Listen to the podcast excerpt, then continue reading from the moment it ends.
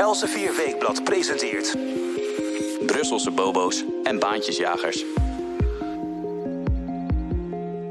Geen stuiver extra naar Zuid-Europa. Die tekst prijkt deze week op het omslag van Elsevier Weekblad en leidt tot talloze reacties. Veel lovende kritieken, maar ook woede.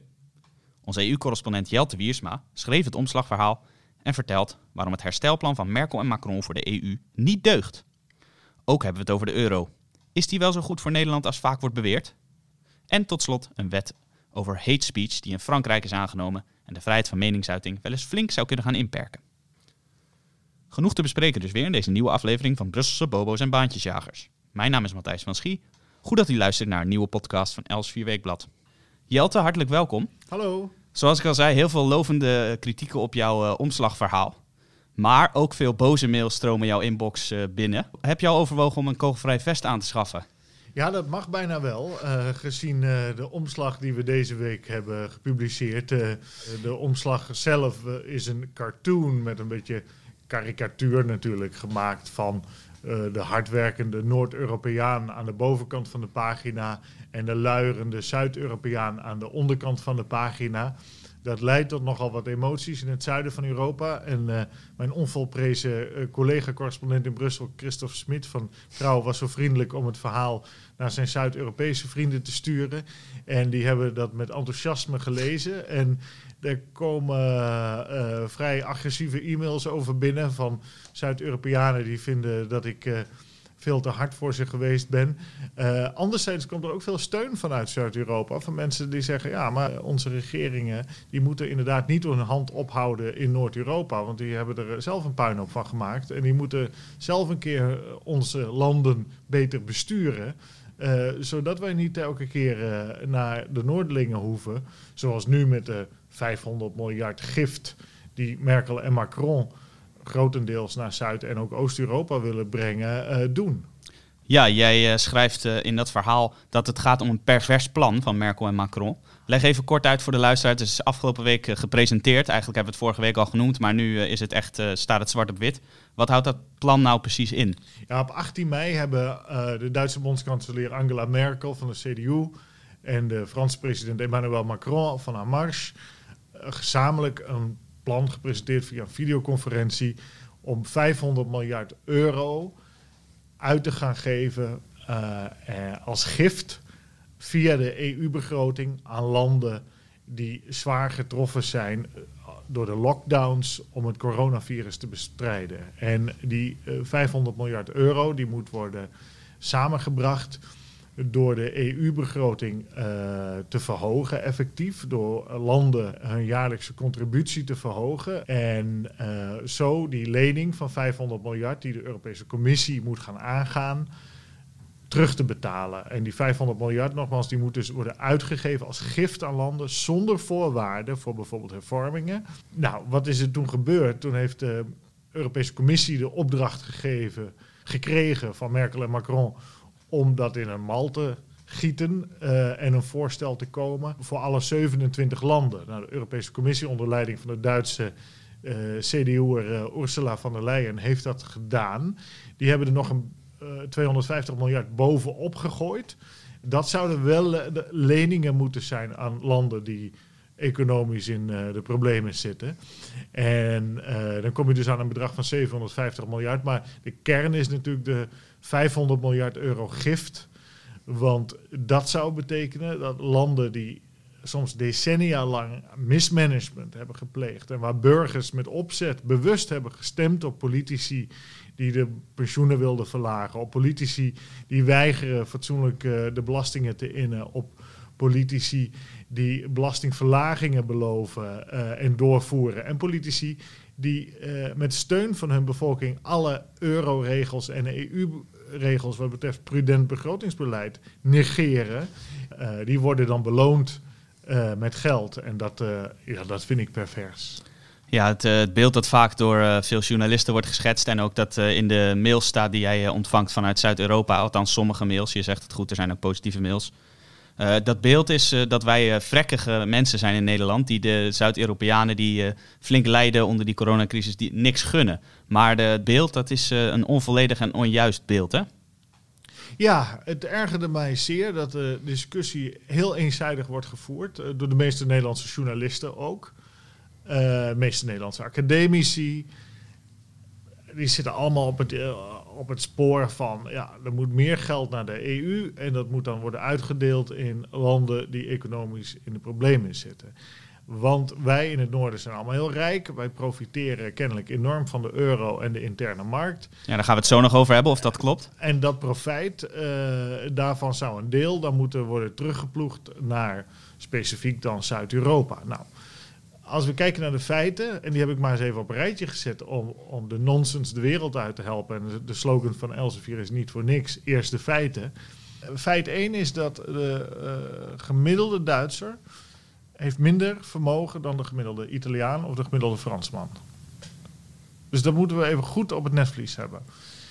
De gemiddelde Nederlander, eh, als je de staats- en privéschulden optelt, heeft meer schuld dan als je de staats- en privéschulden van Frankrijk en Italië eh, optelt. Uh, om een perspectief te geven, in Nederland is de staatsschuld, dit is pre-corona, en ik baseer me op cijfers van Credit Suisse, de beroemde Zwitserse bank en Eurostat, cijfers van de Europese Unie, van de Europese Commissie zelf, is dat Nederland een staatsschuld heeft van uh, om en nabij de 60% van het nationaal inkomen, wat burgers en bedrijven jaarlijks met elkaar verdienen. Dat is van 800 miljard euro in Nederland. Dat is ook de grens die gesteld is, hè? 60%. Dat is de grens die gesteld is in het Groei- en Stabiliteitspact, zoals dat heet. En dat geldt voor alle eurolanden, maar ook eigenlijk voor de niet-eurolanden uh, van de EU. Dus de 19 eurolanden en de 27 EU-landen in totaal.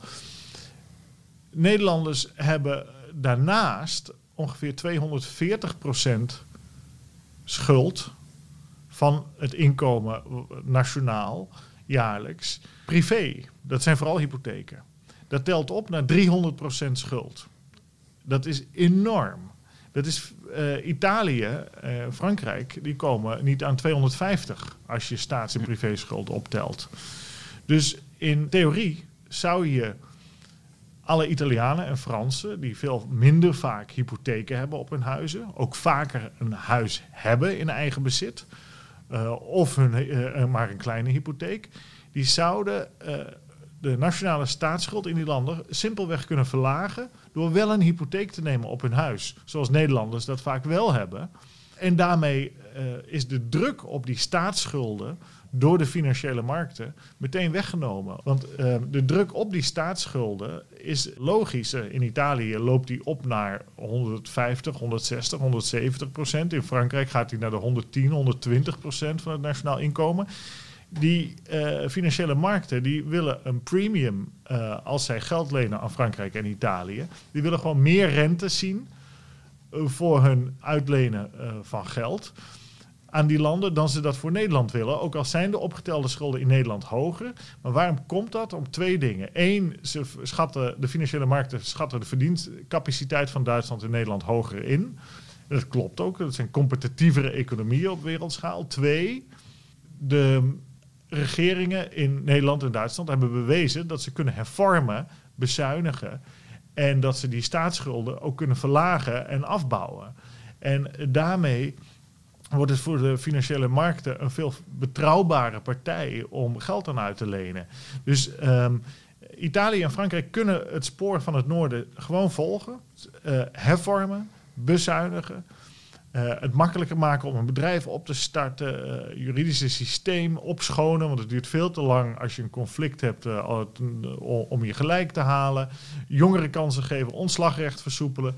Er zijn tientallen mogelijkheden, die kosten helemaal niks. Hè? Dat is heel belangrijk om. Het kost niks. Dat zijn gewoon wetten die door mensen gemaakt zijn in die landen ooit, die een florerende economie in de weg zitten, die ondernemerschap blokkeert.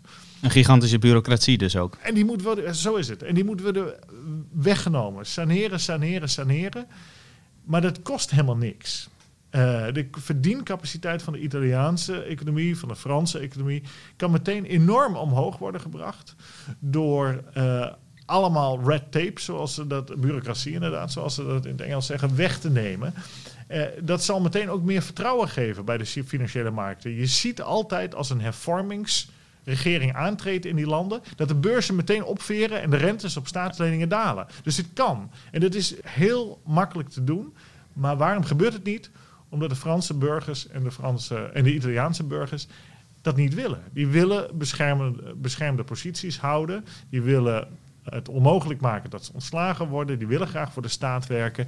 Die uh, willen graag relatief vroeg met pensioen. Um, in Nederland werkt, werkt, een gemiddelde werknemer uh, 42 jaar. 41 jaar, excuus. In Italië is dat 32 jaar. Dus 9 jaar verschil. Ja, dan moet je niet gek opkijken dat de financiële markten meer vertrouwen hebben in Noord-Europa dan in Zuid-Europa. Ja, nou werpen de, de Zuid-Europeanen vaak een, uh, een, statistiek tegen. En uh, zij, uh, zij wijzen daarop onder andere op een artikel dat in 2017 op de website van Elsevier verscheen. Waarin stond dat per week Nederlanders gemiddeld het minste aantal uren werken van, van alle EU-landen. Hebben ze daar dan niet een punt dat wij eigenlijk luier zijn dan we zelf denken en de Zuid-Europeanen helemaal niet zo lui? Of is dat ook een vals beeld wat wordt geschetst? Het klopt dat Nederlanders per week relatief weinig uren maken.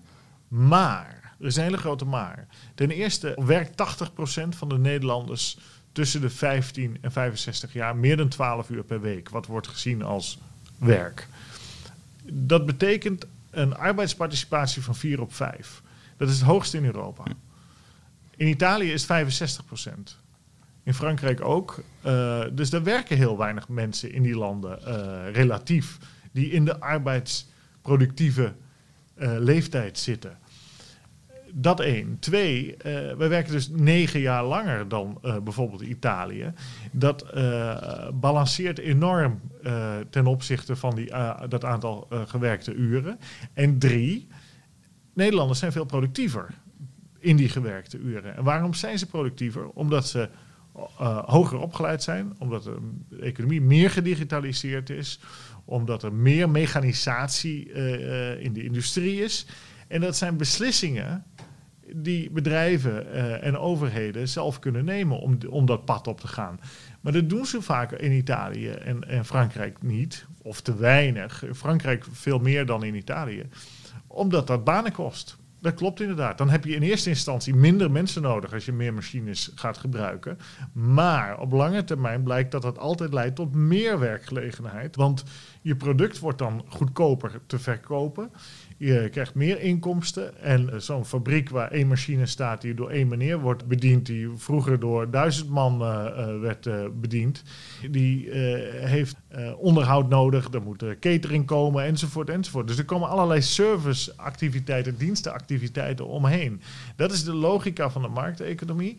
Um, de tragiek is natuurlijk dat er geweldige Franse en zeker Italiaanse MKB-bedrijven zijn en grote bedrijven, die enorm lijden onder het mismanagement van hun regeringen en de stomme politieke keuzes van hun burgers. Uh, het is niet voor niks dat in die landen geen liberale partijen bestaan. Dan zie je al uh, gemis in het politiek debat daar. Uh, het hele woord liberalisering, dat wordt eigenlijk niet gebruikt. En dat schaadt ze. En um, Nederland hamert er elke keer op. Dat is Mark Rutte. Dat is uh, Wopke Hoekstra, dat was eerder Jeroen Dijsselbloem, de ministers van Financiën. Aan de onderhandelingstafels in Brussel op Zuid-Europa, doe zoals ons. Wij willen graag dat jullie economisch krachtiger worden. Dat is goed voor jullie, dat is goed voor ons als Nederland. Want dan kunnen wij exporteren en ze kunnen prachtige producten maken waar de hele wereld dol op is. Um, maar doe dat dan ook. Uh, neem een voorbeeld aan uh, successtories en hervormingen in Nederland, maar ook in het Verenigd Koninkrijk jaren 80. Margaret Thatcher, ook onder uh, natuurlijk Gerhard Schreuder, de SPD-kanselier in Duitsland, zijn een succes voor die landen gebleken. Dat is in het zuiden niet of weinig gebeurd. Ik moet wel een uitzondering maken. Spanje en Portugal hebben, en dan afgezien van Griekenland, dat natuurlijk volledig onder curatele is gesteld. Spanje en Portugal hebben uh, fors ingegrepen. Salarissen van ambtenaren verlaagd. Uh, dat is in Frankrijk en, en Italië bijvoorbeeld niet gebeurd. En dat heeft ook zijn vruchten afgeworpen. Tot voor kort groeide de Spaanse economie geweldig goed. Hè? Dat gingen vele procenten per jaar groei werden, werden daar gerealiseerd. Dus Spanje laat zien aan, aan, eigenlijk aan, aan Italië en Frankrijk maar ja, dat zijn grotere en belangrijkere, volkrijkere landen. hoe het kan. En dus neem Spanje als voorbeeld, zou ik zeggen. Ja, de, de landen die hierop wijzen, op de hervormingen die noodzakelijk zijn inderdaad, dat zijn naast Nederland nog drie andere landen, Denemarken, Oostenrijk en Zweden. En we hebben het vorige week al even over gehad, maar goed om nog een keer aan te stippen. Zij worden vaak in, in kranten, ook in Nederlandse kranten vooral, dat is opvallend, worden zij de vrekkige vier genoemd. Nou hebben we in jouw grote omslagverhaal hebben we ook een, een kort stuk van uh, René van Rijkenvorsel. Die is hier uh, niet aanwezig bij ons in de studio. Maar misschien kun jij even vertellen die term vrekkige vier. Waarom dat nou een term is die eigenlijk de lading helemaal niet dekt. Ja, ik ergerde mij daar groen en geel aan. dat is echt niet te geloven. Die vrekkige vier, dat is een foutieve vertaling van Frugal Four. En Frugal Four, zo wordt in Brussel, althans in het Engels, wordt gebruikt om deze uh, vier landen in een hoekje te zetten. Maar frugal betekent helemaal niet vrekkig. Frugal betekent sober. En uh, ik zei tegen René van, uh, dat klopt voor geen meter. En uh, hij is onze Neerlandicus, een taalspecialist. Hij heeft ook een taalrubriek in het blad inderdaad, altijd erg vermakelijk. Zo is het. En die, die wist daar natuurlijk wel weg mee die curiositeit bij mij, of door mijn ogen gezien, is dat ik geloof het AD als eerste kwam met dat uh, begrip vrekkige vier. Maar je bent toch niet vrekkig als je uh, zegt van, nou maar ik ga niet zomaar geld aan jou geven. We hebben nu 20, 30 jaar verteld wat je kan doen om je economie competitiever te maken. Dat willen we ook graag dat je dat wordt, dat je meer geld kan verdienen. En dat weiger je te doen, willens en wetens, in Italië en Frankrijk althans. En dan ga je bij ons de hand ophouden. Eh, dat is niet, dan ben je als Noord-Europees uh, land niet uh, vrekkig. Dan ben je verstandig. En, frugal betekent sober. En sober is een uitstekend woord. Wat mij betreft, soberheid is als het gaat om staatsfinanciën, althans een goed idee in de privésfeer zou ik zeggen, uh, leef, uitbundig en kleurrijk en vrolijk. Uh, maar uh, de staat moet met andermans geld, want dat is het, voorzichtig zijn, versober zijn. Dus dat lijkt me heel goed.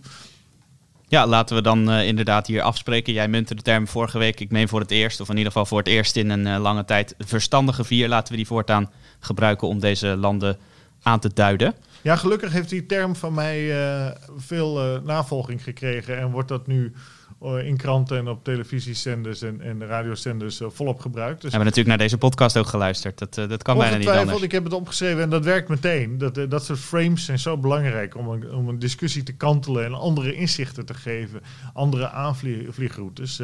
ik zeg er wel bij er is een soort idee dat een haat bestaat of een arrogantie in het noorden over Italië en uh, Frankrijk en zo. Dat is uh, natuurlijk misschien deels is is het, is, het, is het woord, maar ik persoonlijk en wij, denk ik allemaal in Nederland, maar dat geldt ook voor de Oostenrijkers, Denen en Zweden. We hopen juist dat die landen rijker worden. Ik bedoel, het zijn, het zijn democratische landen, het zijn vrije landen met een rechtsstaat. Dat zijn landen die sterk moeten zijn economisch, al was het maar in de uh, geopolitieke strijd met China bijvoorbeeld of met andere. Die landen moeten juist sterker worden. En het kan, want ze hebben de producten, ze hebben de creativiteit. Ik bedoel, ik heb nu ook Italiaanse schoenen aan, uh, zeer aan te raden. En wat mij verbaast, is dat uh, die geweldige Italiaanse producten, die geweldige Franse producten, dat we die bijna niet geadverteerd zien hier om ons heen. Waarom is er geen campagne opgezet in Nederland door de Italiaanse MKB-bedrijven samen in Nederland en Duitsland uh, en gezegd: koop onze waar, help ons door onze waar te kopen. Niet door ons uh, zomaar geld te geven, of tenminste aan de regering in Rome, die dat grotendeels verknoeit. Want die eh, veel van die MKB'ers, die ondernemers, die haten Rome ook. Hè. Veel Italianen, die haten de regering in hun hoofdstad, die er een potje van maakt en de belastingcenten verknoeit en uh, bureaucratie verzorgt. Um, hetzelfde geldt in Frankrijk. Heel veel Fransen haten Parijs en alle bureaucratie die daaruit voortkomt. Dus um, die realiteit moet je in ogenschouw nemen. En zij moeten hier natuurlijk uh, gaan zeggen, uh, de Italiaanse ambassadeur, de Franse ambassadeur, de MKB-bedrijven, van help ons. Maar doe dat door onze waar te kopen. Koop geen schoenen uit China, maar spaar een paar maanden langer. En koop Italiaanse schoenen. koop geen parfum uit uh, weet ik waar. Maar uh, koop Franse parfum. Dat is misschien allemaal wel wat duurder, maar het is vaak ook beter en mooier en lekkerder en weet ik wat allemaal. Dus ga die markt hier op in het noorden. En als wij kennelijk, zoals de veronderstelling is in het zuiden, dat wij in het noorden zo ontzettend rijk zijn, wat helemaal niet zo is. Uh, als je kijkt naar de vermogenspositie van mensen. Dus de Duitsers hebben gemiddeld minder vermogen dan de Italianen en de Fransen, nogmaals. Hè. Dat is heel belangrijk. Maar als de veronderstelling is dat, dat wij zo rijk zijn, nou dan kunnen wij wel heel veel spullen uit het zuiden gaan zo kopen. Is het. Toon je dan ook hier. Uh, en het gebeurt veel en veel te weinig, uh, wat mij betreft. Uh. Nou, dat is inderdaad een goede oproep aan inderdaad Zuid-Europa om hier te adverteren. En dan inderdaad aan, aan Nederlandse consumenten onder andere om daar spullen te kopen. Dat is inderdaad een, een goed idee. Want wij willen inderdaad, wat jij zegt, allemaal dat de, de economieën in Zuid-Europa gaan floreren. Want wij delen daarmee een munt. En dat is uh, een bruggetje naar, de, naar het volgende onderwerp dat jij aandroeg om te bespreken, namelijk die munt, die euro. Daarvan is heel vaak beweerd door, door politici, door intellectuelen, door academici, dat die euro heilzaam is voor Nederland en daarmee eigenlijk ook voor het hele Europese continent. En uh, jij plaatst daar nog wel wat vraagtekens bij, hè? want is die euro nou wel zo voordelig voor ons allemaal? Ja, dat is een boeiende vraag natuurlijk. Die vraag die is vaak gesteld en we, zien dat de euro elke keer leidt tot ruzie tussen landen. Eén. dus um, als de bedoeling was om uh, vrede te krijgen tussen de Europese landen, of in ieder geval minder conflicten, dan kan je al concluderen dat dat niet gelukt is. Laten we wel zijn, voordat de euro er was, waren er veel conflicten tussen Europese landen, omdat iedereen met zijn munt aan het spelen was. Hè. Landen, centrale banken waren hun munt aan het revalueren of, of devalueren, sterker maken of zwakker maken. En daarmee hun exportpositie verbeteren. En uh, dat leidde elke keer uh, tot, tot ruzie. Maar de euro heeft dat in ieder geval niet verminderd. Dus wat aardig is, is natuurlijk dat Koen Teulings, de toenmalige directeur van het Centraal Planbureau in 2014 was het, zei: ja, de euro is een politieke munt. En uh, leidt niet tot aantoonbaar economisch voordeel ten opzichte van elk land een eigen munt. Dus dat is. Ja. Uh, en dat was een uh, soort mea culpa, want eerder was nog beweerd dat het elke Nederlander een, een weeksalaris zou opleveren. Nou, dat is een fabeltje dat weg kan. de tweede vraag voor mij is nog van hoe nu verder met die Europese Unie, want uh, als die euro niks oplevert en eigenlijk alleen maar tot ruzie leidt en enorme risico's voor Nederland. Er staan natuurlijk geweldige schulden geparkeerd uh, bij de centrale banken en bij allerlei hulpfondsen. Ja, over die hulpfondsen gesproken, dat is uh, wellicht ook nog goed om te noemen dat wij in dit nummer van Elsevier Weekblad een uh, overzichtelijke beeldspread uh, hebben, zoals we dat noemen. Een uh, beeldverhaal van Carla Joosten, onze voormalige correspondent in Brussel, die uiteen heeft gezet inderdaad welke potjes geld er allemaal zijn binnen de Europese Unie voor de landen die daar lid van zijn. En wij kunnen u vertellen dat dat zijn geen misselijke bedragen waar het daarom gaat. Nee, dus er zijn duizenden miljarden beschikbaar via allerlei wegen, inclusief de Europese Centrale Bank. Dat gaat om 2600 miljard. Dat is drie keer de inkomsten die Nederlanders samen hebben. Dat staat er al uit aan schulden. En dat is nog maar één van de vele potjes. Dat is nog maar eentje. Dat is echt enorm. Dus die risico's die worden gedragen door Nederlanders. En uh, als je die 500 miljard hebt van Merkel en Macron, dan uh, zou dat betekenen zo'n 30 miljard voor, voor Nederland. Dat zou, ik geloof, meer dan 1000 euro per Nederlander zouden dan naar Zuid-Europa moeten worden getransporteerd. Dat is nogal wat. Maar goed, terug naar, naar de, de euro. Als die euro dus al niks oplevert, welk argument blijft er dan nog over voor lidmaatschap van de Europese Unie? Nou, vaak wordt aangedragen hier in Nederland, ook door de premier, door Mark Rutte van de VVD, dat het belangrijkste punt dan is de interne markt. Daar zou Nederland toch wel zo enorm van profiteren. Nou, het laatste grote onderzoek dat er naar gedaan is, is in 2019 geweest door de Bertelsmann Stiftung, uitgesproken pro-EU-club overigens. En die zeggen dat de gemiddelde Nederlander 1500 euro per jaar extra in de portemonnee heeft, dankzij de interne markt van de Europese Unie. Dat is wel heel schamel.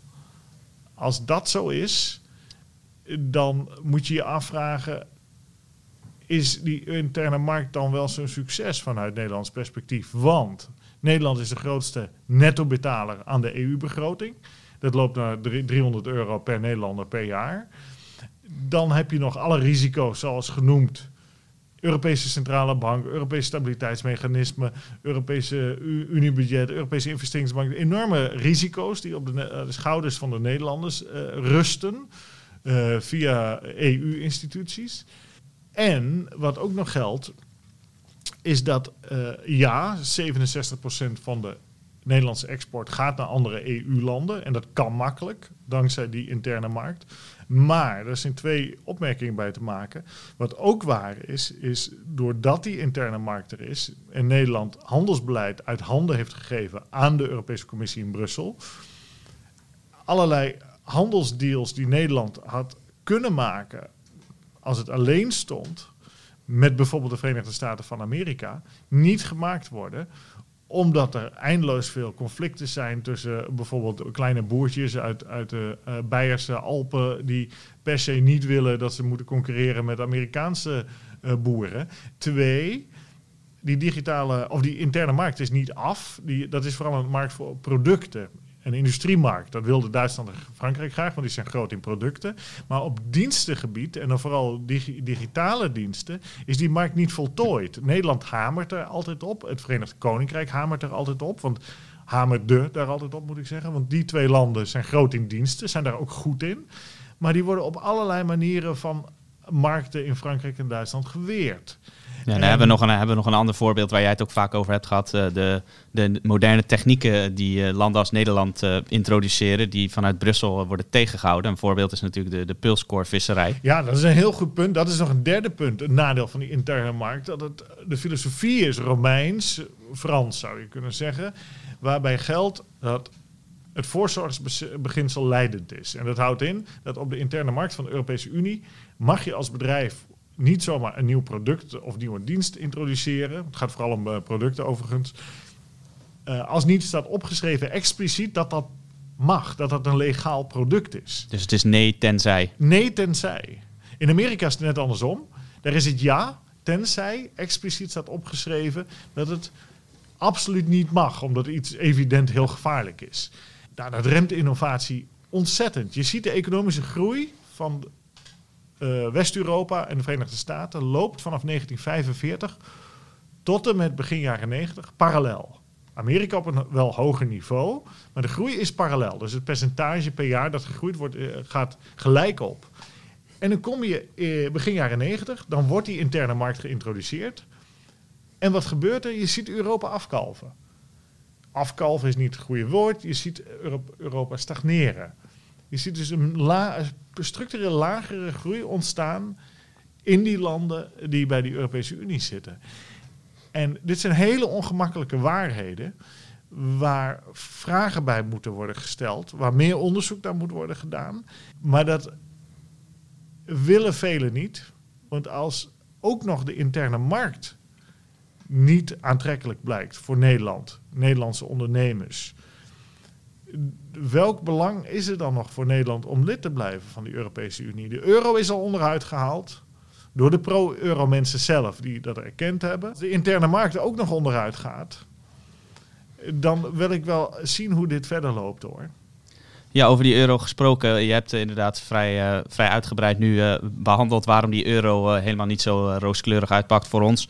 Nadelen van de interne markt benoemd, maar dat is natuurlijk de interessante vraag, de oplossing. Zou het dan een oplossing zijn als wij teruggaan naar de gulden? Want daar wordt ook natuurlijk vaak van gezegd dat zou ons enorm schaden als we dat doen op korte termijn. Maar misschien ook op lange termijn. Is het dan wel een oplossing om naar de gulden te gaan? Of moeten we nog misschien in een ander alternatief gaan denken?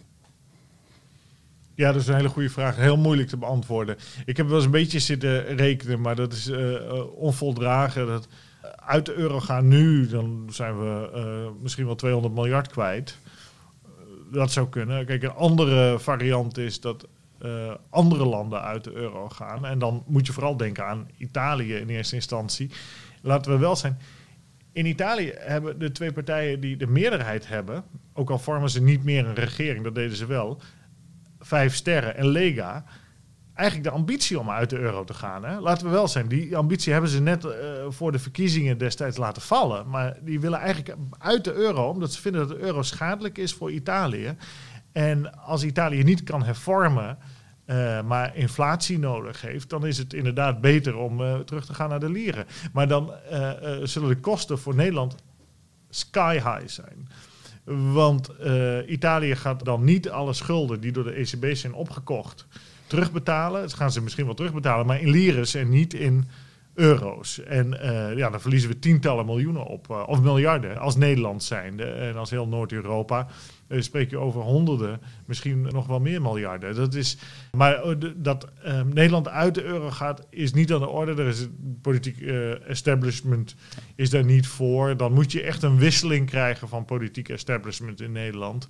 En zelfs dan denk ik dat burgers dat niet zouden willen, ook omdat ze decennia lang zijn voorgehouden dat die euro zo goed was. Dus voordat mensen dat eh, kantelen in hun denken, hebben ze veel meer ervaring nodig en veel meer informatie over de nadelen van die euro. Maar ik denk dat de euro niet houdbaar is. Eh, tenzij die eurozone kleiner wordt. En dan wordt het eigenlijk een D-markzone met Duitsland als centrum. En dat bestond al. Nederland, Oostenrijk, die zaten feitelijk in de D-markzone met de gulden en de shilling.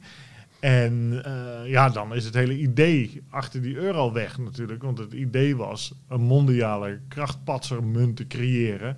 Enerzijds en anderzijds uh, was het de, de, wens van Frankrijk om de Duitse macht in Europa te breken. Dat waren de twee drijvers achter die munt.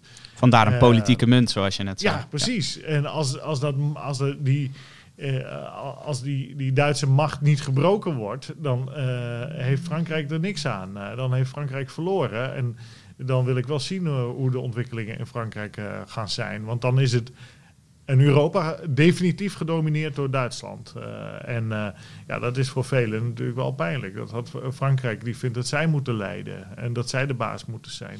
Maar Kortom. Het wordt, het wordt heel, heel spannend. Heel spannend. in ieder geval, verreweg het belangrijkste is dat over de euro en de interne markt met veel zuurstof in de Kamer gedacht wordt. Uh, dat daar breed naar gekeken wordt en uh, dat daar harde keuzes misschien moeten worden gemaakt. Want als de politieke klasse die keuzes niet gaan maken, dan gaan uiteindelijk de financiële markten die keuzes voor de politieke klasse maken. Dan wordt het crisis. Dan krijg je crisis. Uh, situaties waarbij bijvoorbeeld Italië er gewoon uitdondert, om het maar grof te zeggen. Je, je kan, als je nu beslissingen neemt over die euro, nadat je daar goed over na hebt gedacht wat je wil, dat georganiseerd doen. En als je het in crisistijd doet, dan wordt het altijd een rotzooi met veel meer schade voor mensen individueel, ook voor de Italianen, ook misschien wel voor de Grieken, de Fransen, de Spanjaarden, wie zal het zeggen. En dat, dat moet je voorkomen. Dan loopt de politieke klas achter de feiten aan. En dat lijkt me uh, onverstandige uh, situatie. Maar nou, het is ik nu zie dat lef niet natuurlijk. aanwezig hoor. Ik, ik zie dat lef niet aanwezig. Ze bewegen alleen als crisis zijn. En dan uh, denk ik dat het of een kleinere eurozone gaat worden, of je krijgt een mutualisering van schuld en uiteindelijk een soort euro-regering. En dat wordt denk ik heel ongemakkelijk voor veel Nederlanders. Want dan krijg je permanente transfers naar landen die minder goed bestuurd worden dan Nederland. En uh, ik denk dat het voor veel Nederlanders onacceptabel zal zijn op lange termijn. Ja, dat is een ingewikkelde kwestie dus, die ook uh, ingewikkelde oplossingen vergt. Ja. Daar zal het laatste woord in deze podcast ook nog niet over gezegd zijn. Nee. We hebben het net heel, heel lang over Italië gehad, onder andere Italië. En vlak voor wij deze podcast gingen opnemen, zei hij nog tegen mij... Hey, er is nog wel een, een Italiaan of een Italiaanse, een vrouw, Federica Mogherini. Die is in het nieuws, want zij heeft een nieuwe baan. Ja, we hebben een nieuwe baan voor Federica. Um, zij uh, was hoge buitenlandvertegenwoordiger van de Europese Unie. Dat is een post in de Europese Commissie onder uh, Jean-Claude Juncker, de Luxemburgse commissiepresident, die van 2014 tot 2019 aan het bewind is geweest. En Mogherini was toen al, uh, toen zij werd aangesteld, een, een twijfelgeval. Maar goed, het was een vrouw en ze was van de Socialistische Partij uit Italië. En dat was allemaal het goede profiel. En veel landen wilden ook gewoon een zwakke, hoge buitenlandvertegenwoordiger. Want ze willen natuurlijk niet dat er een krachtig persoon in Brussel zit. Daarom hebben ze van der Leyen nu ook uh, als Juncker, Junckers opvolger aangesteld. Uh, deze Mogherini die was een beetje op zoek naar een baantje. En nu komt het uh, dat het Europa College in Brugge.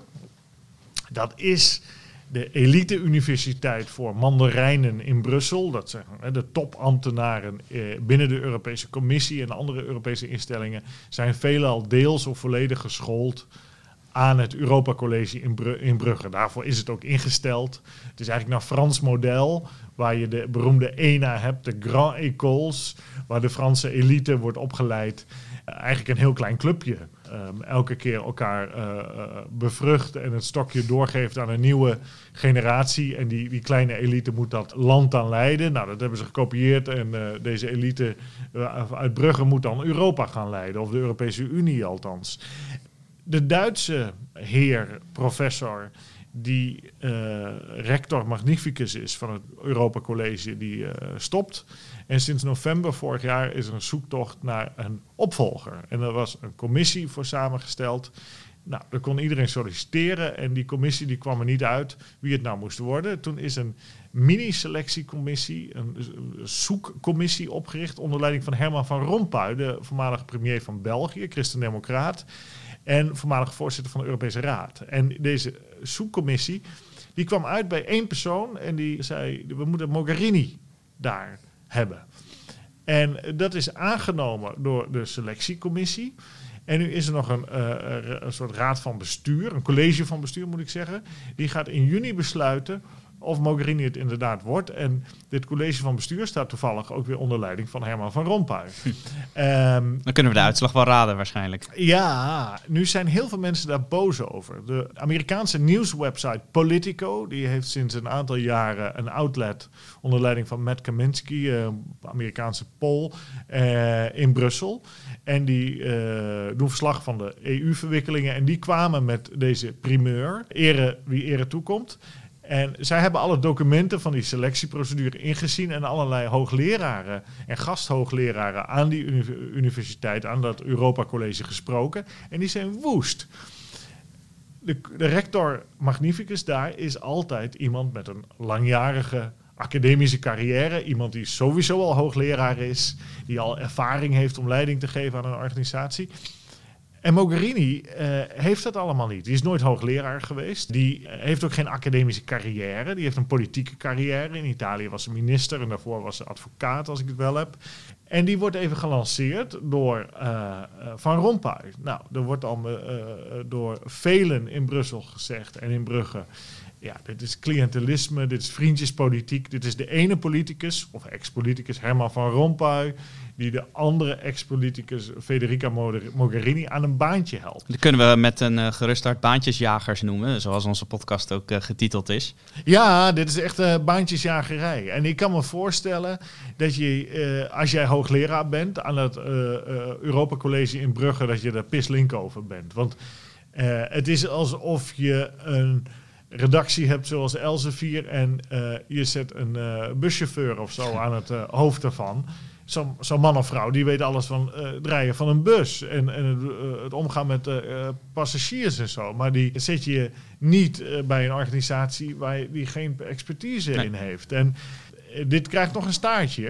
er zijn een aantal gasthoogleraren, onder wie een Italiaan die uh, heeft heel boos gereageerd. Die zegt, in deze tijden waarin de Europese Unie al heel erg onder druk staat, is dit de absoluut slechtste reclame die je kan maken voor de EU-instituties. En een andere, een Britse hoogleraar uit Wales, die erg pro-EU is overigens, die, die heeft woorden van gelijke strekking. Die zegt, dit is een totaal gemismanagede selectieprocedure. Dit had nooit zo mogen gebeuren. Dus er is ook veel kritiek vanuit de mandarijnensfeer en de hooglerarensfeer zelf. Dus ik ben heel benieuwd of Mogherini inderdaad deze positie gaat krijgen. Of dat de druk zo wordt opgevoerd dat zij zich moet terugtrekken. Of dat Van Rompuy uh, zijn uh, lieveling in deze uh, terugtrekt.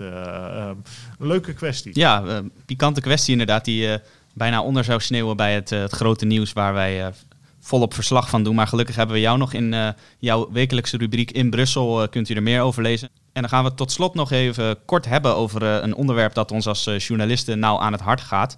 Namelijk de vrijheid van meningsuiting. Want in Frankrijk is een wet aangenomen tegen hate speech, haatspraak, een beetje een vreemd woord. En, en wat houdt die wet nou precies in? En is het nou toevallig dat die juist in Frankrijk is aangenomen? Om op je eerste vraag te uh, antwoorden, um, wat houdt die wet in? Nou, dat binnen uh, hele korte tijd uh, sociale mediabedrijven wordt dat dan genoemd, maar dat geldt eigenlijk voor iedereen die publiceert online of dat faciliteert althans allerlei beledigende teksten zo snel mogelijk weg moeten halen. Nou, dat is natuurlijk zeer ruim te interpreteren. Uh, tweede vraag is, is uh, ja, Frankrijk is hier niet alleen in, maar wel een beetje uniek. Frankrijk en Duitsland hebben samen geprobeerd voor de hele EU allerlei beperkingen op te leggen aan de vrijheid van meningsuiting online. En sociale mediabedrijven te dreigen met hoge boetes als zij niet allerlei teksten weg gaan halen die mogelijk uh, onprettig zouden zijn of een terroristisch motief zouden kunnen hebben of beledigend of grievend zouden kunnen zijn enzovoort enzovoort. Dat is gelukkig tegengehouden, mede door de Nederlandse regering. Die heeft, zich daar tegen gekeerd. Als alternatief is er een soort clubje van amateurs in Brussel ingezet die uh, gaat kijken naar uh, allerlei misinformatie. Uh, en die moesten vorig jaar nog hun excuses aan geen stijl aanbieden, ja. omdat geen stijl had een vraagteken gezet bij een of andere EU-kwestie. En uh, dat werd als uh, misinformatie aangeduid door deze club. Het aardige voor mij is dat Duitsland heeft uiteindelijk nationaal zo'n wet doorgevoerd. Frankrijk volgt nu uiteindelijk. Nederland niet. En daar zie je toch een scheidslijn tussen landen die een langere traditie hebben van vrijheid van meningsuiting. We weten natuurlijk dat de Nederlandse Republiek om toch even bij de geschiedenis aan te komen. Uh, dat moet altijd even. De Nederlandse Republiek was natuurlijk altijd al een plek waar mensen naartoe vluchten. Maar daarvoor al waren de lage landen een plek uh, waar mensen naartoe vluchten. Voor, voor de vrijheid van meningsuiting, voor de vrijheid van godsdienst, voor de vrijheid van boekdrukskunst. Ik ga dat niet te veel ophemelen, want het was allemaal wel binnen bepaalde limieten. Maar in die tijd was dat al uitzonderlijk. En je ziet die reflexen zitten in ons, dat in Nederland dat toch ongemakkelijk is. Er zijn wel mensen uit D66-kring die dat niet willen. Uh, Ollongren, die, uh, de minister natuurlijk die, uh, van Binnenlandse Zaken, zeg ik het goed? Ja, die, die, die speelt daar wel mee. maar dat gaat het hier niet doen in Nederland. En dat Frankrijk en Duitsland dit nu wel doen, is, is een gevaarlijke stap, vind ik. Dat moeten ze niet doen. Want als ze dat wel gaan doen, of Frankrijk zet nu door, dan, dan zijn dat de eerste stappen naar toch beperkingen van vrijheid van meningsuiting. En die landen, daar willen ze altijd een soort controle houden over informatie. En het gaat uiteindelijk om staatscontrole op informatie. En dat moet je altijd voorkomen, wat ja. mij betreft. Want dan sloop je de vrije geest, dan sloop je de democratie en dan sloop je uiteindelijk uh, de mens zoals hij in zijn eigenheid is. En dat moet je nooit doen. En nog even goed om, uh, om terug te gaan naar een van de eerste dingen die jij net zei. Voor D66, uh, de, de leider van D66, Rob Jetten, die, uh, die kreeg de afgelopen weken, althans daar deed hij verslag van op social media, liet hij zien hoe hij allerlei vreselijke verwensingen naar zijn hoofd krijgt. En ja. ik denk dat wij samen namens de hele redactie ook zeggen dat, dat wij dat soort uitingen walgelijk vinden en dat wij er geen tranen om zouden laten als dat soort verwensingen niet meer worden geuit, maar wat jij zegt, het is een, een hellend vlak naar het inperken van de vrijheid van meningsuiting als het gaat om kritiek op de politicus Jetten. Dat is natuurlijk een belangrijk onderscheid om te maken. Nou, dat is eenmaal. Ik vond Rob Jetten geweldig in dit verband. Hij publiceerde allerlei haatdragende teksten die hij via verschillende kanalen tot zich krijgt en die gericht zijn op zijn uh, seksuele oriëntatie, zijnde uh, homoseksualiteit. En dat was zo sterk omdat hij daarmee. Één uh, laat zien uh, hoe akelig dat is en hoe waanzinnig dat ook is. Twee, laat zien dat hij uh, sterk is en, en dat dat aan kan op een bepaalde manier. En drie, juist omdat het in de openbaarheid is, weet je twee dingen. Eén, het bestaat. Maar twee, je kan ook tegengas geven. Want de gedachten van mensen zijn altijd vrij je kan wel allerlei teksten verbieden of, of uitingen gaan, aan banden gaan leggen. Maar dat moet je juist niet doen. Je moet juist weten dat mensen dat vinden. Breng het maar aan de oppervlakte. Ja, breng het aan de oppervlakte. En dat was zo goed van Jette, dat hij dat weer ja. even laat zien. En anderen doen dat ook wel. Joden doen dat wel. Uh, anderen die, die de meest waanzinnige teksten naar zich toe gestuurd krijgen, die doen dat. En dat, daarmee uh, laat je zien dat dat bestaat. Trek je de beerput open. Het diepste van de ziel van mensen, de, van hun gedachten, komt naar boven. En dan kan je dat ook bestrijden. Uh, dan kan je zeggen van dat, zoals wij dat ook doen. Dat is walgelijk. Dat is absoluut onmenselijk om dat te doen. En uh, dat moet bestreden worden, niet met wetten, maar met woorden die overtuigend zijn. Want dat werkt veel beter. Want mensen moeten ergens overtuigd van zijn. Want alleen wetten, uh, wetten hebben hun limieten. Uh, die, die kunnen dwingen, maar die kunnen niet overtuigen. En dat is een groot verschil. En dus ik neem Jette ook wel eens op de hak, maar elke politicus wel. Maar Uiteraard. in dit verband zie je hoe belangrijk het is dat juist die mensen die dit soort nare dingen willen sturen, de mogelijkheid hebben om dat te doen. Dat Jette de mogelijkheid heeft om dat te publiceren en dat er dan over gedebatteerd kan worden. En dat deze mensen die dit doen ook kunnen uh, worden laten weten dat hun diepste zielenroerselen kennelijk gewoon abject zijn. Uh, en um, ik denk dat het op lange termijn, en dat bewijst zich in de geschiedenis ook veel sterker overeind houdt dan als je aan repressie doet. Het lijkt me een heel mooie samenvatting van het punt dat jij maakt aan de hand van deze wet. En dat lijkt me ook een mooi moment om deze podcast mee af te sluiten. We hebben het weer over van, van alles gehad. En ik hoop dat u met plezier hebt geluisterd naar deze podcast. Als dat zo is, dan vraag ik u en Jelte ook, vragen wij u om deze podcast, als u de iTunes Store gebruikt om te luisteren, om ons te beoordelen met vijf sterren. Dat helpt ons enorm. Dus alvast hartelijk dank daarvoor namens ons beiden. Nou Jelte, dit was het weer voor vandaag met de podcast. Hartelijk dank. Graag gedaan. In deze coronacrisis blijf ik het zeggen. Alle gezondheid en alle goeds toegewenst. En hou u taai in deze moeilijke tijden. Tot de volgende keer. Daarmee zijn we aan het einde gekomen van deze podcast. Mijn naam is Matthijs van Schie en ik wil u ook hartelijk danken voor het luisteren. Bent u nou benieuwd geworden naar de artikelen die we zojuist hebben besproken in deze podcast? Die kunt u allemaal lezen in Els 4 Weekblad of op onze site. Voor een abonnement, waarbij u ook onbeperkte digitale toegang krijgt, kunt u surfen naar www.els4weekblad.nl. Daar kunt u zich ook abonneren op onze podcastseries. Dat kan ook door in uw favoriete podcast-app, bijvoorbeeld Spotify of iTunes, te zoeken op Els 4 Weekblad. Dit was het voor nu. Graag tot de volgende keer.